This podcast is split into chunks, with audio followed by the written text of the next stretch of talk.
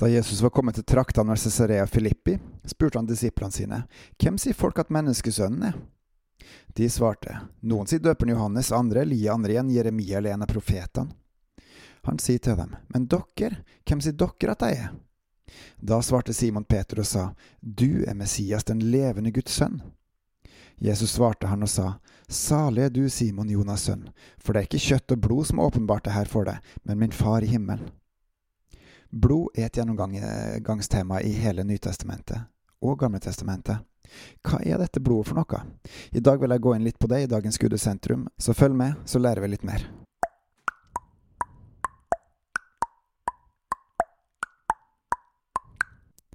Som sagt er blodet til stede gjennom hele Bibelen.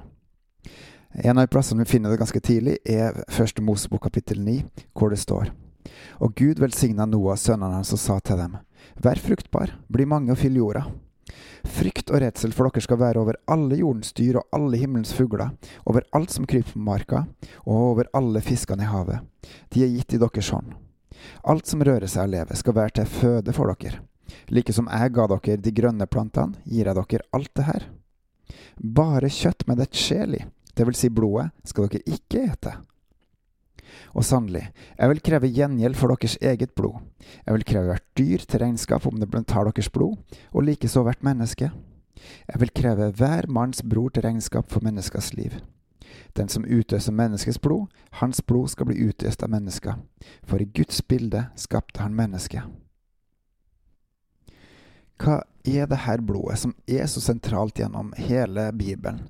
I Gamle Testamentet som offerblod, i Nytestamentet som Jesu blod som døde på korset for oss, som renser oss fra all synd.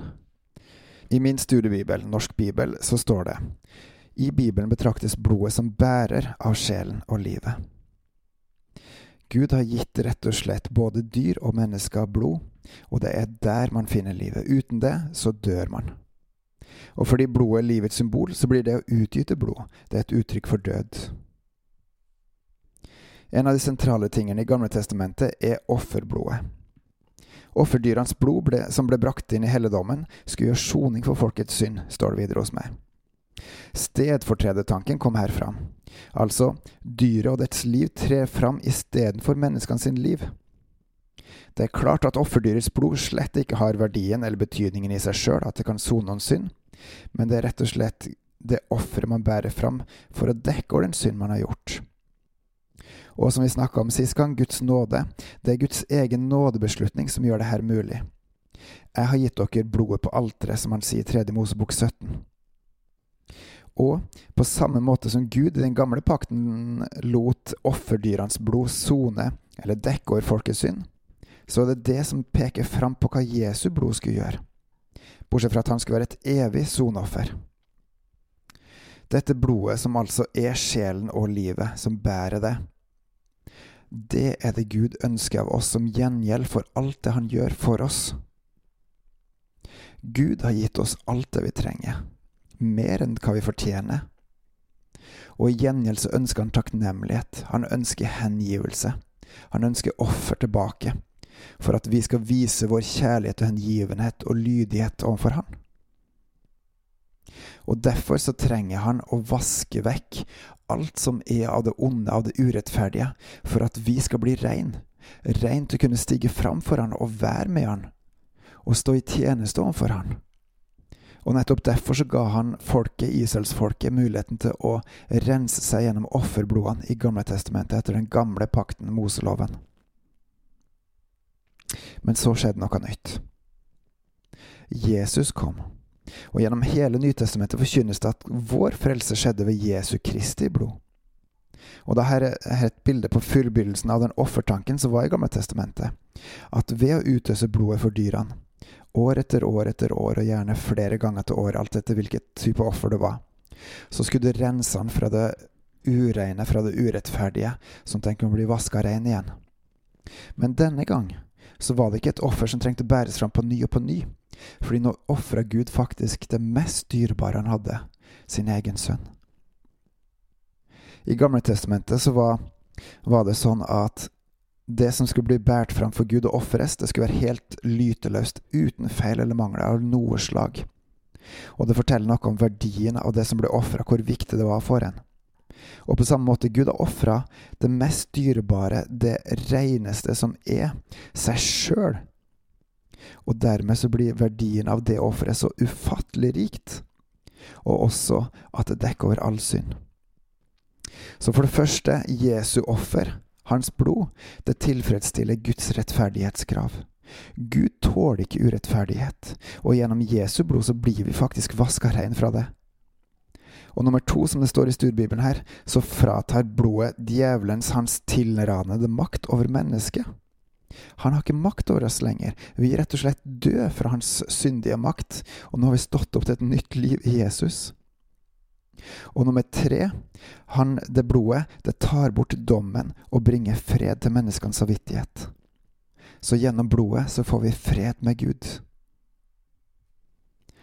Et sentralt spørsmål blir hvilket blod er det som renner gjennom dine årer? Ved Guds nåde har vi fått Hans blod, som kan renne gjennom oss og renske oss, rense oss fra alt av det urettferdige. Det menneskelige er mangelfullt. Vi vil aldri kunne tilfredsstille Gud med måten vi sjøl lever på. Og heldigvis så ser Gud i nåde til oss og det er rett og slett hjertene våre han vil ha. Han vil fylle våre hjerter med sin Hellige Ånd, med sitt blod.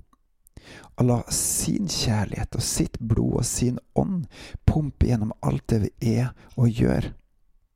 For at vi skal være fulle av Hans nåde, av Hans kjærlighet, av Hans visdom og glede og tro og trofasthet og at det livet som veller fram gjennom dette blodet, gjennom Hans ånd, det skal skape liv, det skal skape endring, det skal sette ting i bevegelse, det skal gjøre til at andre folk ser at her er Gud, og gi Han ære. Så når Peter svarer du er Guds sønn, den levende Guds sønn, så er ikke hans eget blod som vedkjenner det, men rett og slett åpenbart han fra Gud. Og alle disse måtene som Gud åpenbarer seg på, det er for at vi skal gi Han ære. Blodet er liv.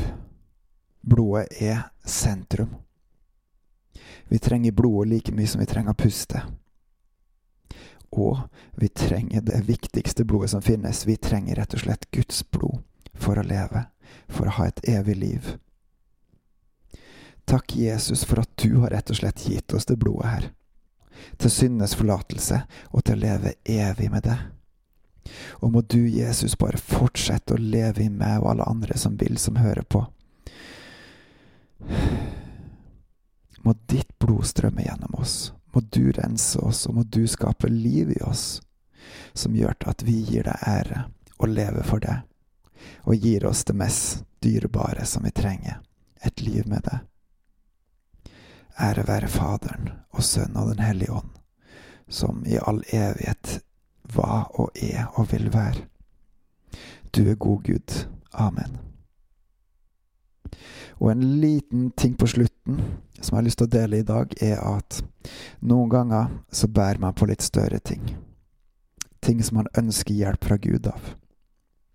Og her i Norge tror jeg vi har veldig, veldig lett for å sitte og bære på det sjøl, og velge å ikke dele det med medmennesker rundt oss.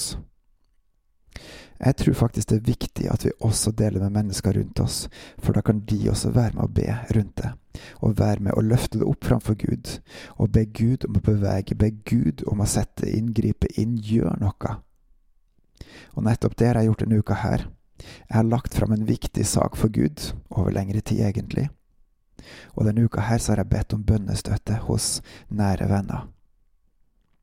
Hvor godt det er å være flere sammen, som løfter opp en viktig sak framfor Gud, sammen, forena i Jesu blod, til Guds ære. Gjør det samme. Det er godt å ha fellesskap i Jesu blod. På gjenhør.